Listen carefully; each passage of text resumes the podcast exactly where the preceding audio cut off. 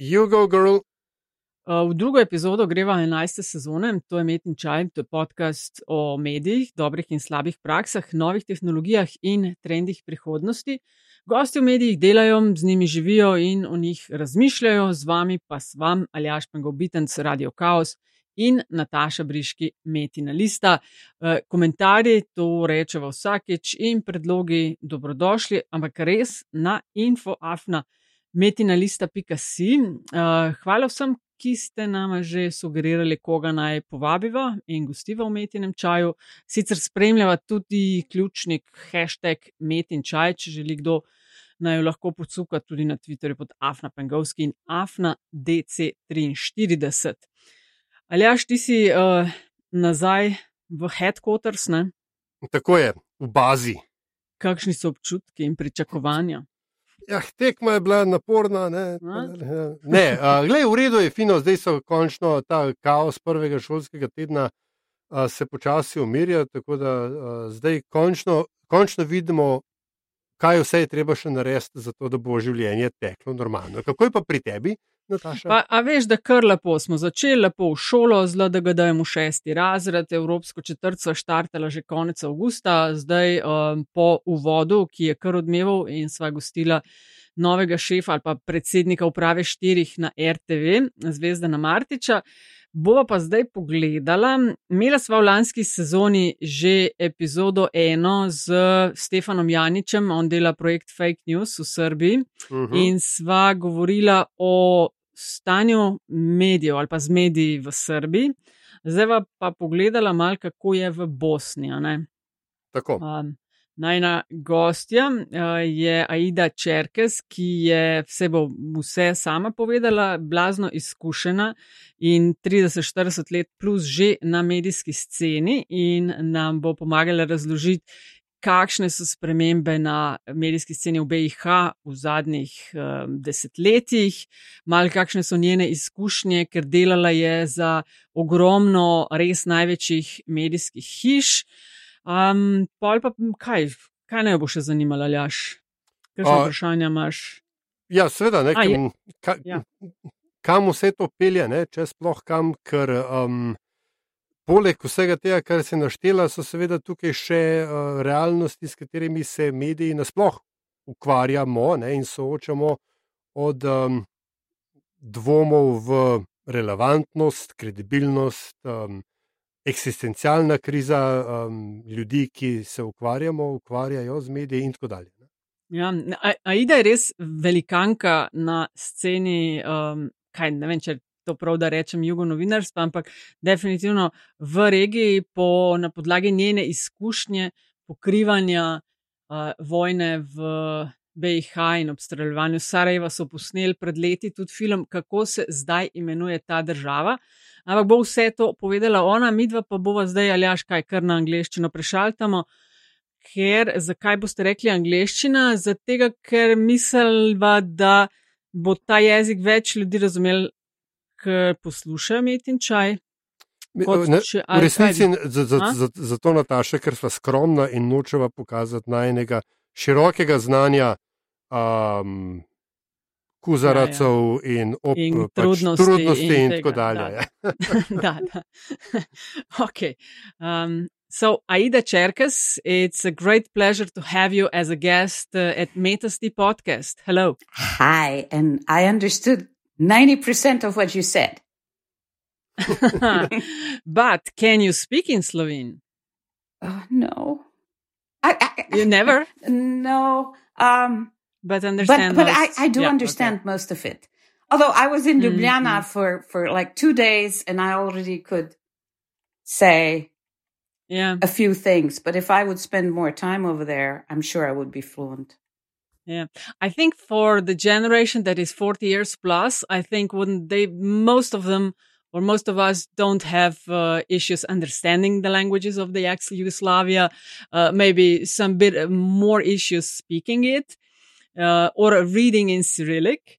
Uh, but otherwise, the younger generation, as they tell me, uh, they're not as familiar with that language. I mean, I remember learning the language in the, I think it was the fifth grade. For a year or something. But we were bombarded with it, uh, with uh, films, uh, with series, uh, with all sorts of shows. So, you know, uh, yeah, so thank you very much. thank you. But um, one really feels uh, inferior when one comes to Slovenia or Macedonia and everybody speaks your language and you're standing there like an arrogant, mm-hmm, and you can't even say uh, uh, basic things. It, it, it is a horrible feeling. But um, mm. yeah, I, I, am old generation, and uh, um, this was a common country. But for example, for my son and for for the younger generation, Slovenia is a foreign country. That's it. You know, mm-hmm. for me, it still mm-hmm. isn't. You know, for me, this whole thing is is still an incident. You know. Mm.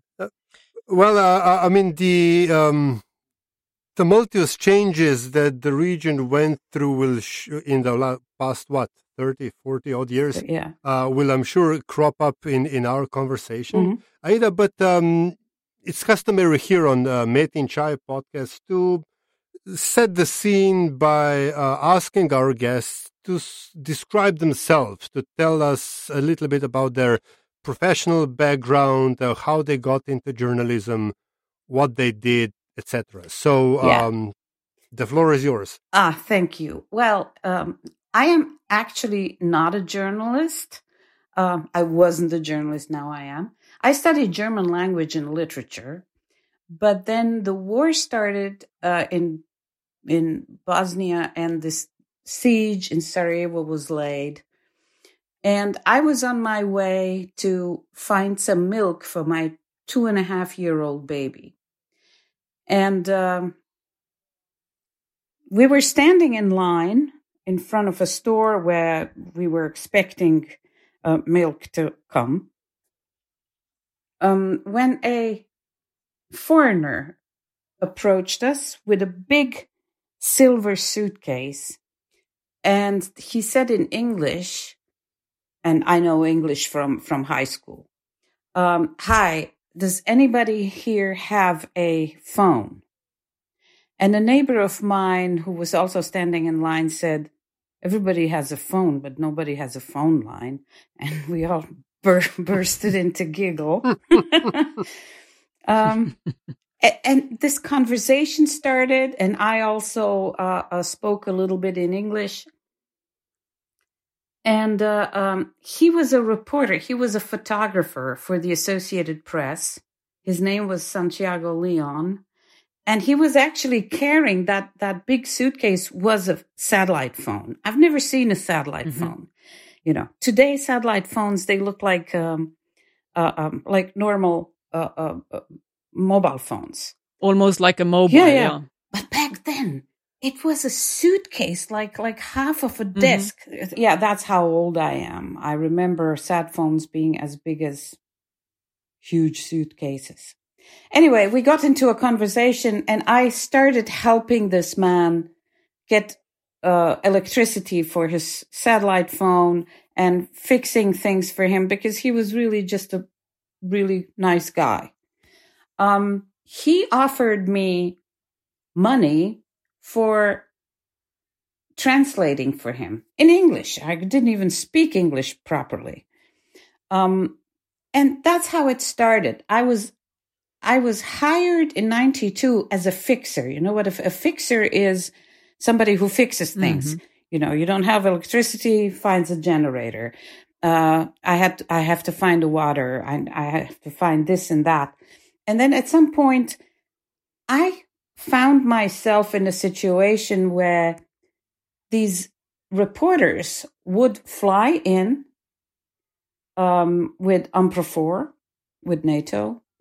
Um, they would be parachuted into a situation that was really complex, politically and militarily. And they didn't really know. It would take them like a week or two to figure out who's who and who's fighting for what.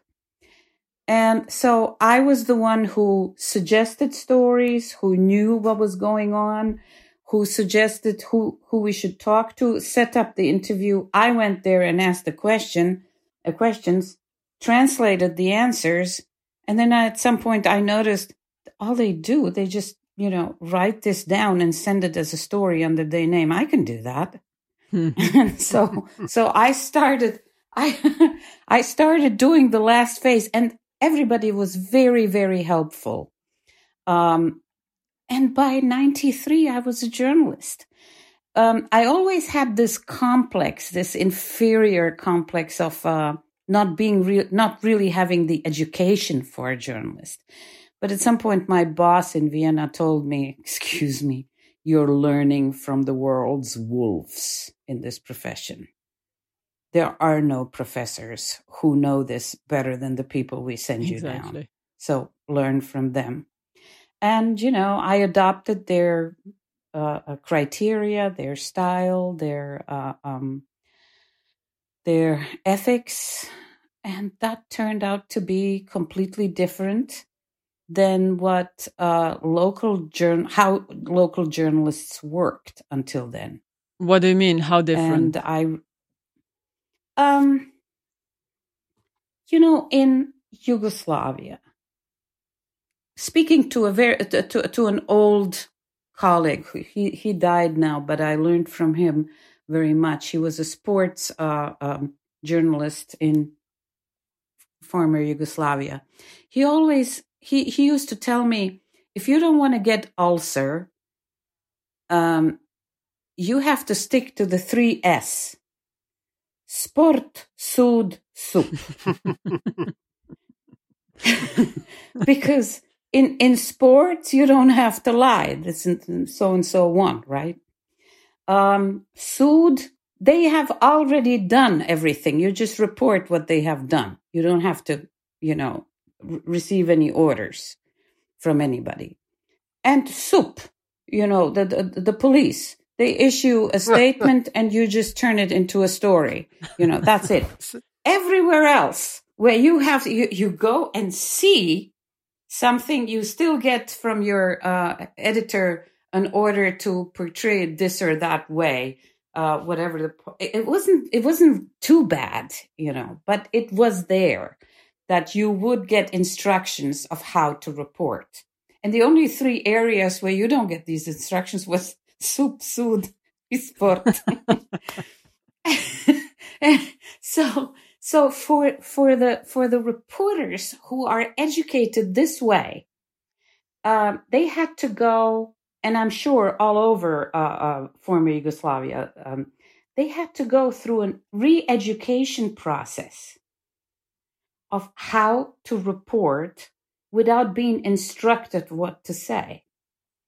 And this new freedom um, was overwhelming. So I noticed that very, very many of them who wanted really to distance themselves from the style of reporting during uh, uh, former Yugoslavia, uh, this competition started of who's going to be more critical than the other, because that was considered to be uh, good good reporting, a, a, distance from the old style reporting. And then you have this unbelievable uh, flood of critical thinking and criticizing the regime and everybody and everything is bad because in the previous regime everything was nice you know in in, in news there were really no bad yeah. news about yugoslavia yeah you know. everything that was done was every... done just about right and how it should be yes yes yes yes so so there was this really beautiful picture of our own world and now, this sudden freedom that was given to these reporters, they started doing the opposite like everything is bad, and this is corrupt, and that's corrupt, and so and so is incapable.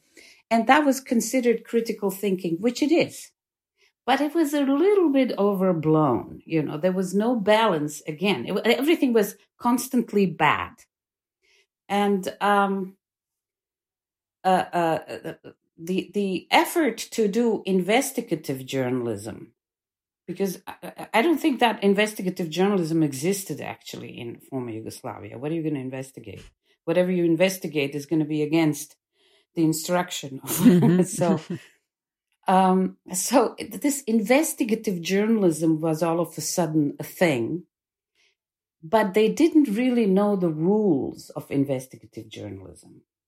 So for, for some people, investigative journalism was, you know, to go out in the evening and whatever you hear at two o'clock in the morning as a rumor in a bar is being published tomorrow. And then this f- wonderful phrase, izvor blizak vlad. Mm-hmm. so, so, izvor blizak vlad. so you can't check that. You can't fact check that. You can't, you know, prove it. You, nothing. Izvor blizak vladi. And we always call that šta kaže vlado. that's always the rumors, you know. So uh, um, it took actually after the war uh, international efforts to school people in investigative journalism. You know what? Only what stands in court can be in the story. Well, you, you can't have the story then. Yes, you can if you put some more effort in it. And it's getting better, you know, with lawsuits, a couple of lawsuits here, a couple of lawsuits there. Um, um, I really see progress in in the understanding in the younger generation that doesn't remember this Vlado system. um, um, I, I, see that they're much more serious when it comes to reporting and investigative reporting. But hey, in 30 years they should have learned. I mean, I, once I was in a circus and I saw a bear walking on a line. It didn't take him 30 years to learn this. So, um, uh, yeah, that's, I, I'm a witness to all of that. So I myself, oh man, that was a long introduction. Um, uh, I myself am somebody who didn't know anything about journalism. And then I went the full line through the whole process till today. Um, and yeah, now I guess I'm a journalist. So, but you basically had, and um, there's no pun intended, though it's very, it's, it's very on the nose here. Uh, baptism by fire. Oh yeah. If if I tell you that that that I I have before 1992, when I started working with the Associated Press, my entire experience in writing was whatever whatever essays we had to write in school and maybe i don't know three love letters to three guys and all three dumped me. Mm. um, that's that's my entire experience. And i start working for the biggest news organization in the world. And in 93 i become actually a reporter.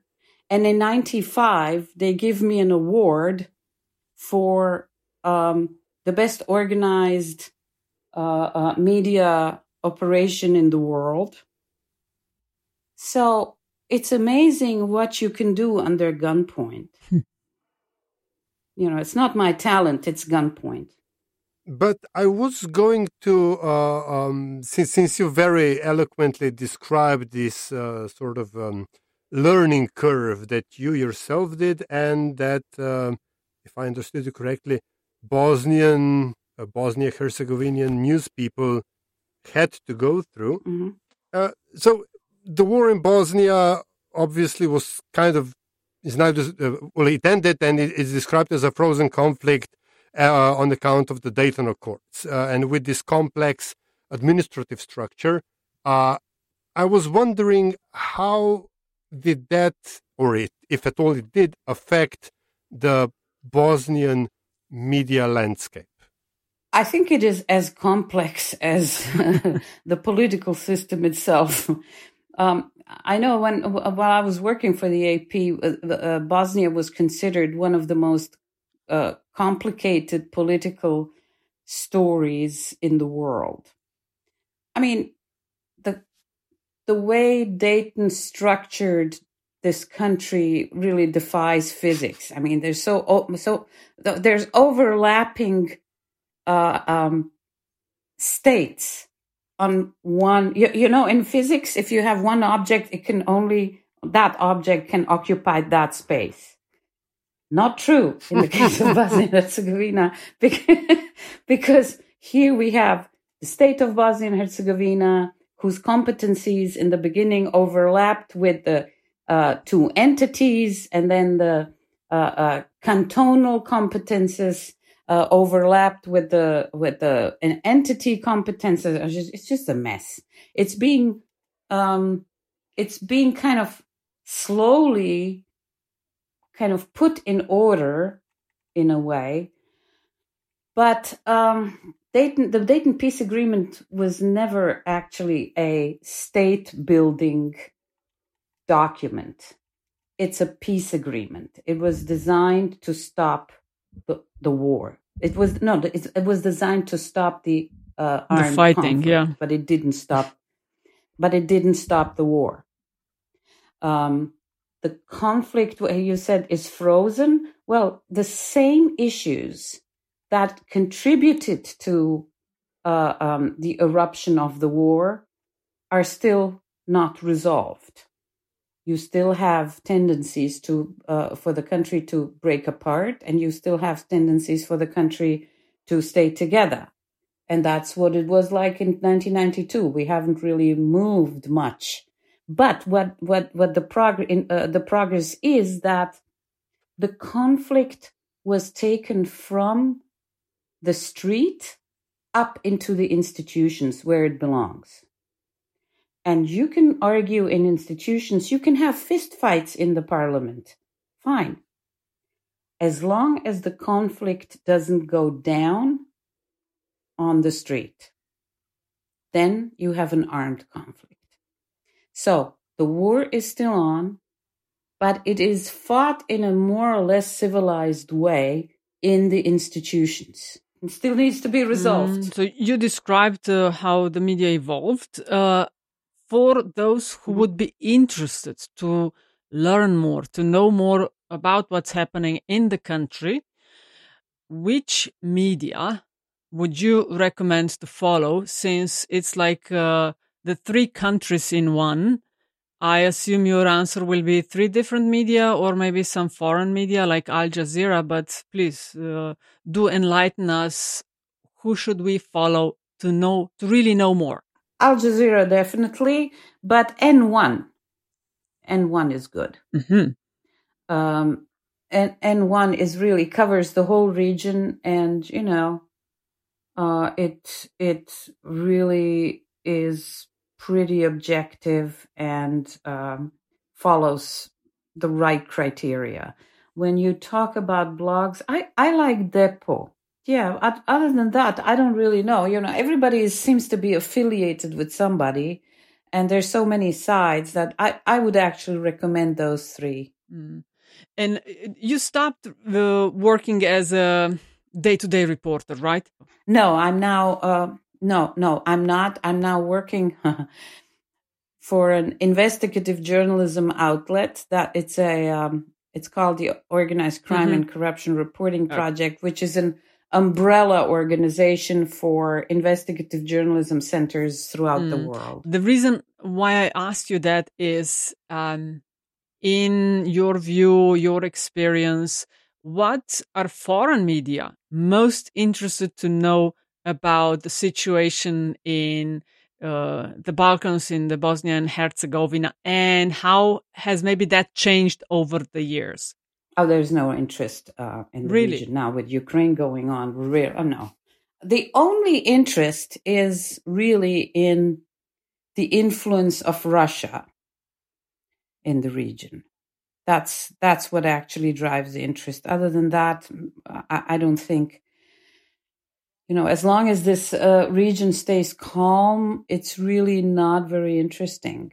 Um, but with the influence of Russia, you know, when the Wagner group is trying to recruit people here, oh, that becomes a story. But other than that, it's not really uh, in focus. I mean, really, to be honest, there are bigger issues in this world, you know, especially since Trump, no, no, I, know, since 2016. I understand, but nevertheless, when someone is interested into what's going on in the Balkans, just wondering what mm-hmm. are the issues. So you mentioned the uh, presence of Russians in the region. I would assume also the Middle Easterners moving to Bosnia. We hear or it's just maybe me and my friends a lot about that. Is that something that's really going on, or is like uh, it, the- it was it was a big story years ago when they started um, uh, buying property in Bosnia. Um, somehow we all saw that as some kind of a Middle Eastern influence on the region. But at some point, you know, we realized that, that they actually all leave in September. and then they come back and then they come back like beginning of June. Uh-huh. So mm, changing their summer for the summer here in Europe. Plus, it's close to EU. I, you know, one day I'm absolutely sure that this will be that these people will be described as the first climate change refugees. Hmm. you know, they they they just they find it. I, I spoke to to many of them, interviewing them. How the hell did you find this place, even on the map? You know, and they're fascinated by water and green.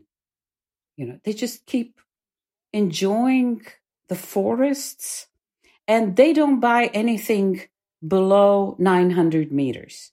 There are none of them in Herzegovina. really? we have that at home, you know, none, none, none. I'm now in Herzegovina. I've never seen an Arab here. Um, they they love the mountains, and uh, um, they basically come here to spend the summer. Not not very many Saudis. And I asked them, where where are the Saudis? Oh, they're all in Austria. They have money. we don't you know so so and, and, i was trying to do a story for the ap back then you know and then, then my my colleagues from zurich aida around the zurich lake apart from david bowie he was he was alive at the time and tina turner there's nobody else but arabs you know? and they and they also come over the summer and then they leave um, so, the, uh, yeah, the richer ones they go to Tyrol and um, to to Switzerland, and the middle class they come to us over the summer, and and they're not here during the winter. Some some of them came to try to learn skiing, but it didn't really work well. So Bosnia and Herzegovina uh, is. Um I mean, it sort of fades and then comes back into focus as far as Slovenia is concerned as well, uh, depending on the policy issue of the day. Um, there was just uh, the Bled Strategic Forum just concluded uh, uh, in Slovenia, what, a couple of weeks ago. And obviously, there was again a lot of talk about um, uh, EU enlargement uh, into, into the Western Balkans. But other than that, it often seems that Bosnia is, a, Bosnia Herzegovina is a source of, uh, you know, scare stories. Like, uh, it's where the migrants come from. It's, uh, I don't know, it's where the Slovenian shady businessmen go to launder their money, etc., etc. Um, is this a, um, what do you call it, a prejudice on, on, on the part of, of in, in this case, Slovenian media and political landscape? Is there uh, are there other things that you would like Slovenians to focus on when it comes to Bosnia, and not just stuff from Yugo nostalgia and Bijelo dugme, but you know things that that that are pertinent uh, here and now today? When you say where the migrants come from, which migrants do you uh, mean? well, I, am saying it's it's a pre, it's a prejudicial term. It's it, nobody cares where they come from. They just know that the last place they've registered them. I mean, that the, uh, they, they came from Bosnia through Croatia to Slovenia, and then suddenly, you know, it's it's a problem, especially for the far right. They don't care about really where the yeah. migrants come from. That, what, that's what I'm saying. The perception of Bosnia in in, in many parts of, of Slovenian society is that it's sort of a quote unquote problem country. And and I, I'm not sure that's you know true. So but, but I'm I'm asking what what's the nuance here? What is what would should be the true or correct focus? What what what you just listed are really problems. Except the migrants are not coming from Bosnia; they're coming to Bosnia from the EU. And see, this is how Bosnia perceives mm-hmm. it. All of these migrants that are piling up here uh, um, in Bosnia, they come from the uh, European Union to us. Greece is in the European Union. So and they're trying to pass on to the European Union, to Croatia, and then to Slovenia. So we perceive them as coming to us from the EU. And then once they're here, the EU then suddenly closing the gate.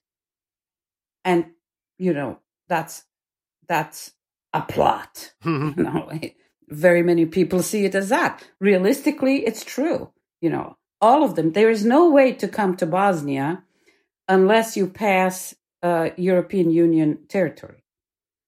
So uh, um, Bos- Bosnia perceives that sto- that problem as they're trying to get rid of the migrants, so they send them to us and then they close the door.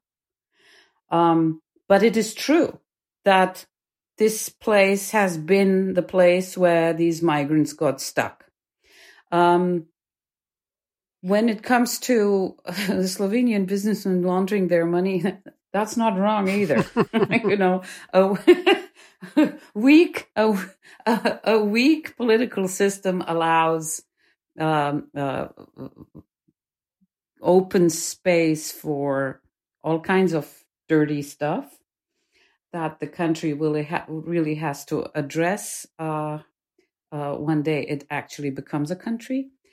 Monday, Monday. um, but how do Slovenes? Yeah, uh, there's, there's not very many nice news out of Bosnia and Herzegovina. That's true. It's not prejudice.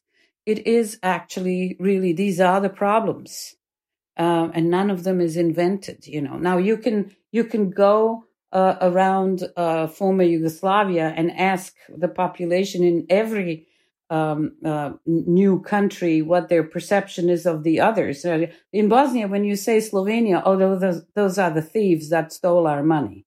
That, that's, that's Ljubljanska mm. Banka, which is a big trauma for Bosnians. And it'll take a long, long time for this prejudice to disappear regarding Slovenia. You know, um, uh, everybody has something bad that the other one is focusing on. But other than that, I I I don't know how uh, Slovenians presenting, and there's not many. There's not many news in Slovenia, I guess, regarding Bosnia, and there's really nothing in Bosnia regarding Slovenia. You mean nothing? No interest in Slovenia, or no, nothing. I mean, I don't remember when was the last time, unless there is an international meeting on uh, Brdo or or Bled or something that uh, um, that we hear about Slovenia at all. You know, and that that's sad. Which is which is doubly ironic, seeing that uh, as little as thirty years ago, this was one common cultural area. Uh, uh, but um, I'm I'm wondering, with all that you've described, what stories within Bosnia do Bosnian media then focus on, and what, seeing that you are now steeped in investigative journalism, what tools do you have at your disposal?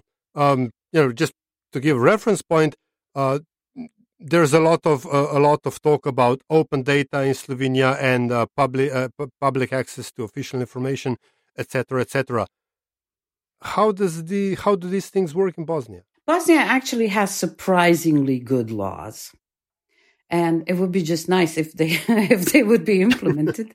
but when you look at the when you look at the laws, they're fantastic. You know, um, right now there's a big discussion whether you know we we have this uh, um, uh, uh imovinski karton, you know, of, of politicians, of of judges, of prosecutors the the, the uh, all of their properties have to be listed publicly. You're supposed to know. I mean, you log on and you're supposed to know what each judge has in terms of assets and properties and savings. It's kind of a little bit humiliating, but hey, if you want to be a, a public person, you know, you have to be accountable.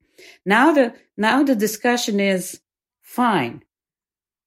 But what about their children? Okay, their children too. And now the discussion is, yeah, what about in-laws?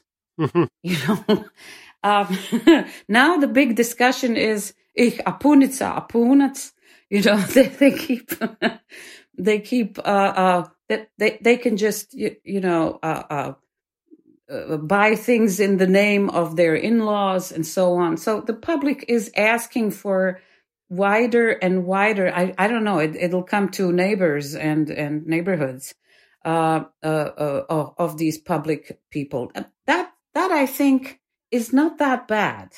You do have 30 days. They have 30 days. Uh, institutions have 30 days to answer your uh, FOIA, this Freedom of Information Act. If they don't, they really do lose in courts um, uh, uh, their cases.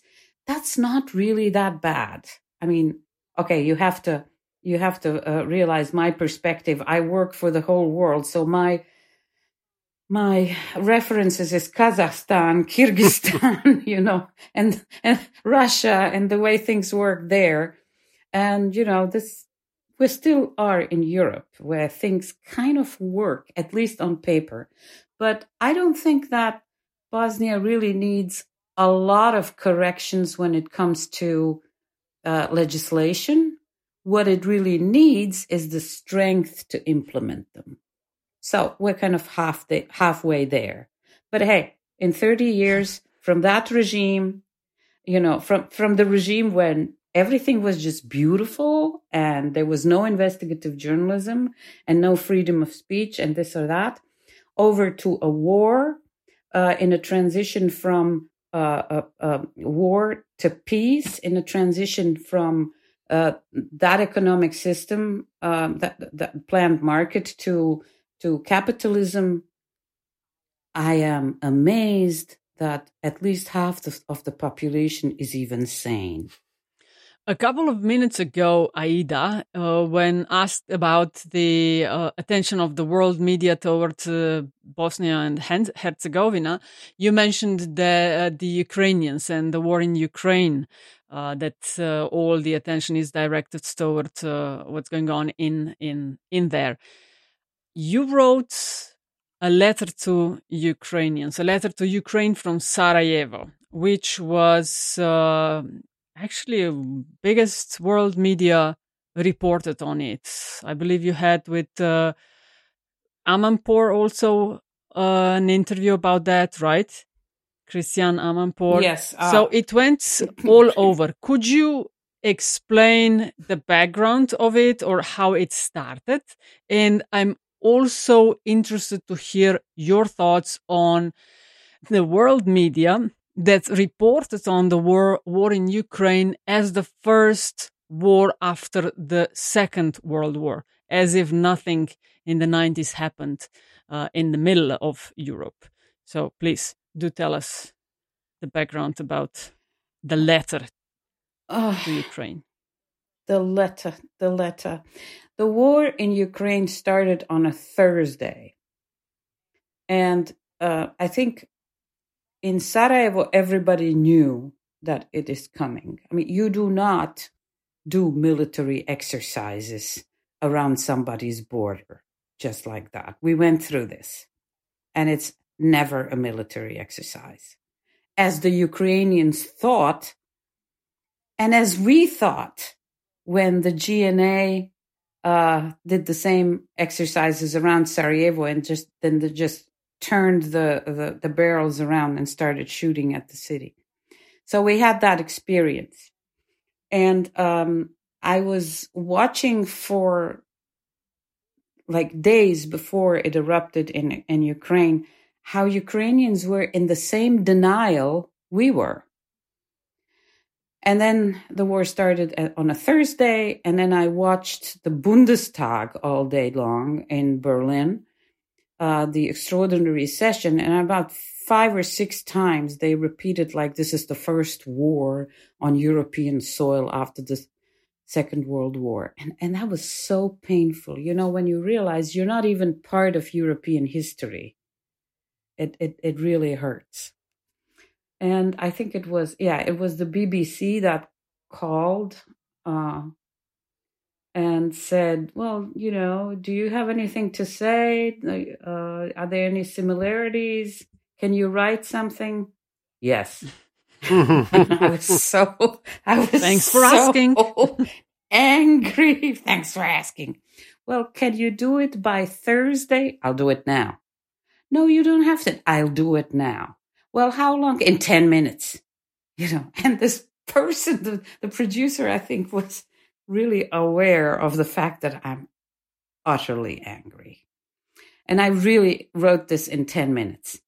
And I started off writing this letter with this really uh, um, feeling of despair and feeling of uh, jealousy, maybe, because their war is recognized and mine is not.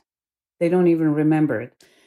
But then, you know, as I was writing, so, oh, these damn poor people, they don't even know. I mean, I have to tell them. I have to tell them what's going to happen. And so the whole letter turned into a crystal ball uh, prediction of what's going to happen to them. And exactly that happened to them. um, that's why maybe the, I mean, I, I was talking about fake news and how those lies are going to hurt them more than the shells and the snipers. And I basically had to tell them, you'll, some of you will die, and a lot of you will have no water and no electricity and no hope. And, you know, uh, forget all the songs that you sang so far. You will sing new songs. And that they shouldn't worry because this is not the first time it's happening. It happened to us and we survived and they will survive too. And that was basically the essence of the letter. I don't even remember what I wrote, but it, it, it had, it really echoed a lot and people cried and called and it was, it was published in, in Kiev as well. Mm. Um, what's the level of trust in Bosnia in the media over there? I'm asking this because the statistics or the public opinion polls when asking about the state, not, not the state, the status of the media towards the public in Slovenia is uh, at a very low level at the end of uh, of the lists. Uh, on top, it's like the firemen, the uh, medical people, but at the bottom, politicians and the media people. What's the situation in your country? I can describe it in one sentence. My, se- my 87 year old mother told me two days ago that all journalists lie. Hmm. I'm her only child. I'm a journalist and it hurts. And I have never lied in any of my reports. You know, okay, I had the lux- luxury maybe because I was paid from you know, uh, uh, from abroad and had a big salary. Nobody could buy me.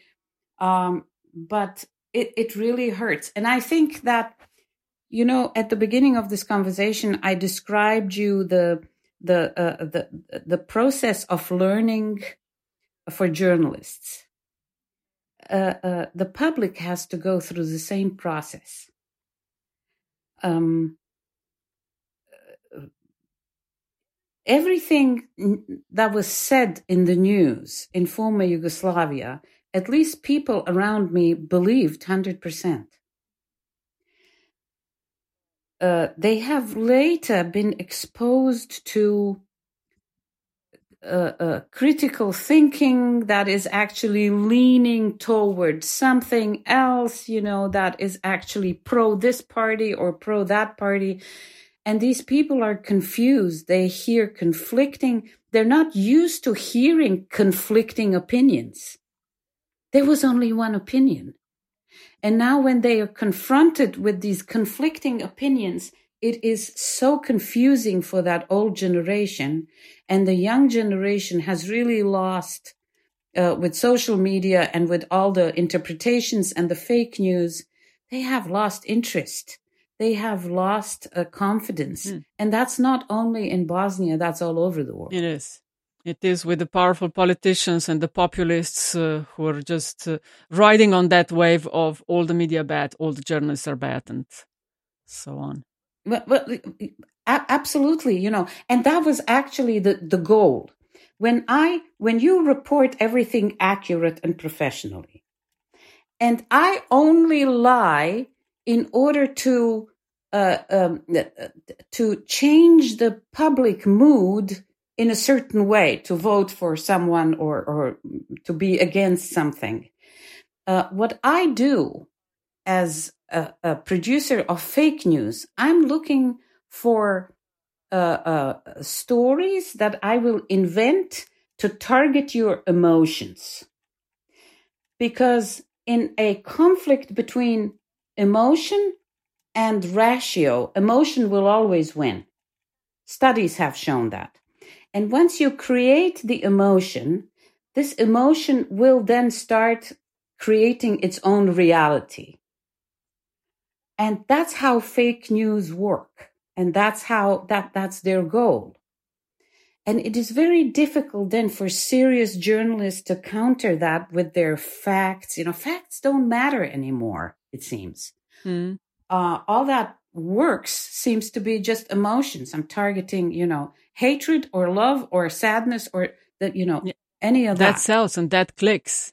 That clicks. That clicks. And, you know, uh, imagine, imagine fa- a Facebook page and your story that you have investigated for 18 months and you fact checked and you went through it with, with lawyers and this and that, you put it on Facebook and it finds itself above a cute cat video and below a baby eating spaghetti and Kim Kardashian and you know and then something bombastic uh you, you know these these uh, um uh, uh she she opened the door and then this happened. Yeah, yeah, yeah, yeah. Dot, yeah. dot, dot. You have to click on, you know. Yeah, yeah. Clickbaiting is huge.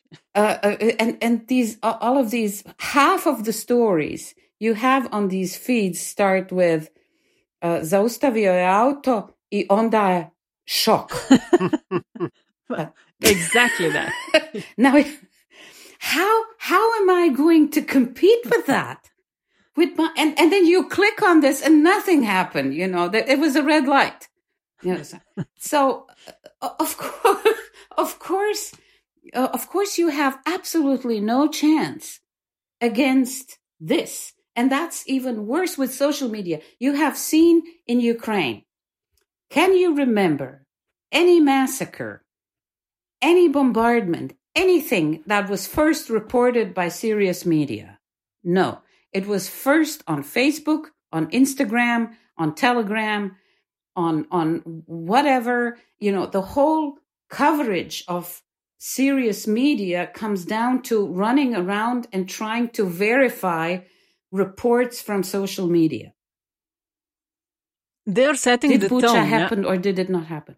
Unfortunately. Well, not only, but you know, you can't. Everybody has a mobile phone. Uh, uh, the massacre in Bucha is a good example. People from Bucha posted this on social media, and then reporters went to check whether it's true or not. It took days. Mm.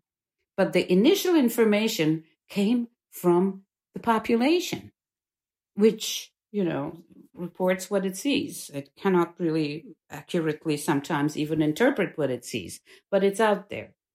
So I don't know how this is going to end from what you describe, I mean, uh, we often, when Natasha and I speak to media professionals, sooner or later we stumble onto the question of media literacy, for want of a better word. But um, what you described, it struck me as there seems to be knowledge out there on how to produce content, but there also seems to be a whole lot of cynicism about content not actually mattering. The, the, the truth is no longer relevant. Well, um, yes, the truth, the emotion is the most relevant, you know, and, and people are just browsing the internet looking for information that will confirm their already existing opinion. It's an echo chamber. It has a name. It's an echo chamber. And that, you know, that makes people drift apart more and more. I have a fraction in my family with whom I can now only speak about the weather. Hmm. Because if we touch vaccines, if we touch um, anything, th- that dinner is really, you know, uh, I mean, we, we get warned by other people, please stop. Hmm. Please, if we touch politics, if we if we touch medic- medicines, you it, it used to be only politics. Now it's medicine. Now it's architecture. Everything is a cause of for for friction between people who have in their opinions drifted so far and both sides find confirmation on the internet in various news that are you know that that that that are floating around so so people choose news you know, uh, and and that's what they consume. Mm. Um, I, I, I forgot now what the question. No, no, it, it, it, was it was mostly just uh, uh, uh, me being uh, quite despondent about the the way that things are evolving. So.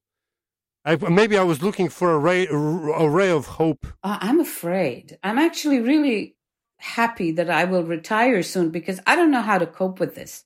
Um, it it really hurts to invest your entire professional life in correctly, ethically, and accurately reporting something to the world, and it doesn't matter. I, I made a film about this. It it just doesn't matter, but it will matter one day. I hope. You know, when when when we're out of this chaos, the, we're in some kind of a transition, and you know, as as as with the internet, with cryptocurrency. All of a sudden, cryptocurrency came about to to be something convenient to use, but it's being so much misused that people are thinking of getting rid of it. You know, everything, every new thing finds, but some people find way to misuse it. And now it's the media again. But, you know, fake news and lies are not new. You know, that, that mm. the, the große Lüge was invented by Goering yeah. Yeah. Mm. and Hitler. So that's not new. That, that That's not new. But it's a new generation. Aida, uh, well, you mentioned new generation. In February next year, I don't know if you pay attention, but you are going to have in Sarajevo, we are going to celebrate all of us 40th anniversary of the Olympic Games in Sarajevo. Um, so when you mentioned the new generations, I wonder because at least for my generation and the older ones, the Yugo nostalgia is a thing. You hear friends going to ski at Jahorina and Bjelašnica, uh, traveling the ex-Yugoslavian, uh, around the countries, the republics, uh, former republics. How do the older generations in Bosnia look at Yugo nostalgia and the younger ones? Is there a difference?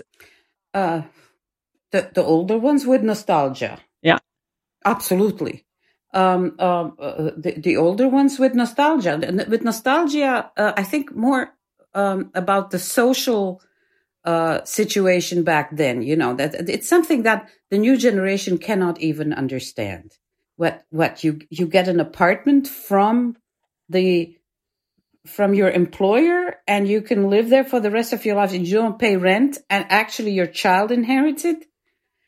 That is unbelievable uh, to the new generation. Uh, uh, that you can't get fired, that you know you you get you get radničko odmaralište, you get 15 days for free, uh-huh. you know, on the coast. Uh, come on, you know, I, I don't even know where we spent that money that we made. I mean, you didn't need it for rent, you didn't need it for healthcare, you didn't need it for school. People just build weekends, I guess. I don't know. I, I, you know, I, I remember these times when mom, dad, and I would get into the car in the morning and drive down south and get to an intersection right behind Metković and Opuzen. And you would kind of, it would go right to toward Split and left toward Dubrovnik. And we would, ahead of that intersection, we would go left or right, left or left meant Greece, right meant Spain. That's unbelievable today. And um, when you tell, of course, somebody is, we're all nostalgic about those times because they were so comfortable and you felt that, that there was a system that was a, that had a safety net, net uh, if you fall. But if you tell the new generation about all these things, I think my son once uh, defined it really well when I was talking about those times. He said, I want you to stop. I don't want to hear about it.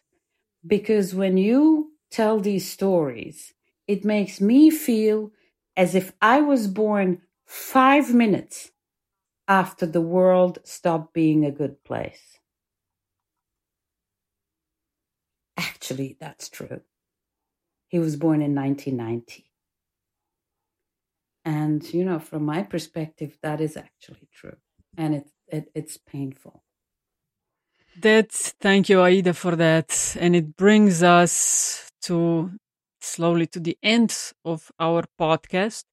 I would just like to add that if you want to uh, listen to Aida um, talk a bit more about the situation in her country, I do recommend you take a look at uh, a YouTube channel of the festival Grounded. Aida was uh, one of the guests at the end of uh, August in Ljubljana. I had the privilege to uh, moderate a roundtable, which was uh, really, really interesting. So, if you want to know a bit more, I recommend you um, take a look at the video. It's about what an hour and a half, something like that. But it's really interesting. And the guest was also Barbara Surk your colleague at AP at some point, right? Right. Yeah.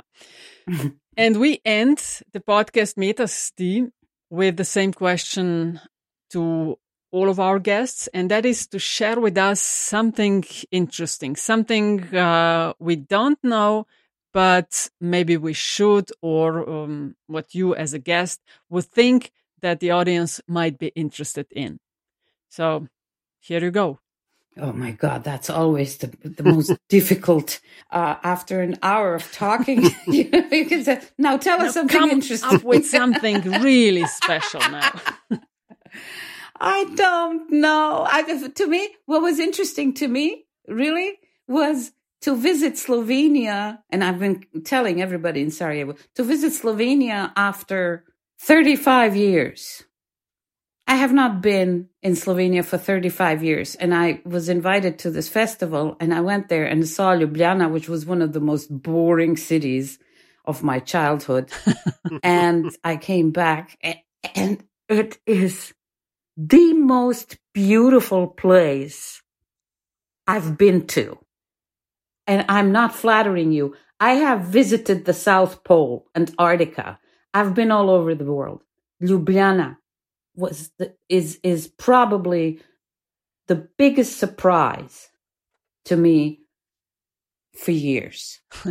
I could really stay there. I'm probably going to spend my vacation in Ljubljana. What you have in the old city and what you have done, and it made me actually sad. I was uh, I was walking around in the evening and uh, bought myself an ice cream. Like I want, I just wanted two scoops, but they this they, they, they gave me this mountain yeah, that I. uh, but, yeah, that's un- unbelievably big ice cream, and I sat there uh, in the evening n- near the n- where was I near this triple bridge? Yeah, yeah, yeah, of course.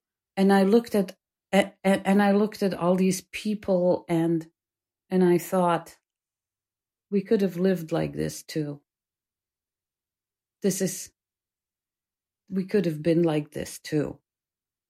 But instead, I came back to this country that is still recovering from the most uh, uh, incredibly devastating war and political situation. I just want you to enjoy your city and your country, which is so perfectly situated, and you have really, really made the best out of it. I am so jealous. I cannot tell you. But I wish you really, really the best. Please thrive if we can't. Aida Čerkez, thank you for sharing that with us and thank you for being our guest. Uh, we wish you all the best uh, with your career and hopefully see you in Slovenia sooner than in the next uh, 35 years. yes, thank you so much for inviting me. Thank you.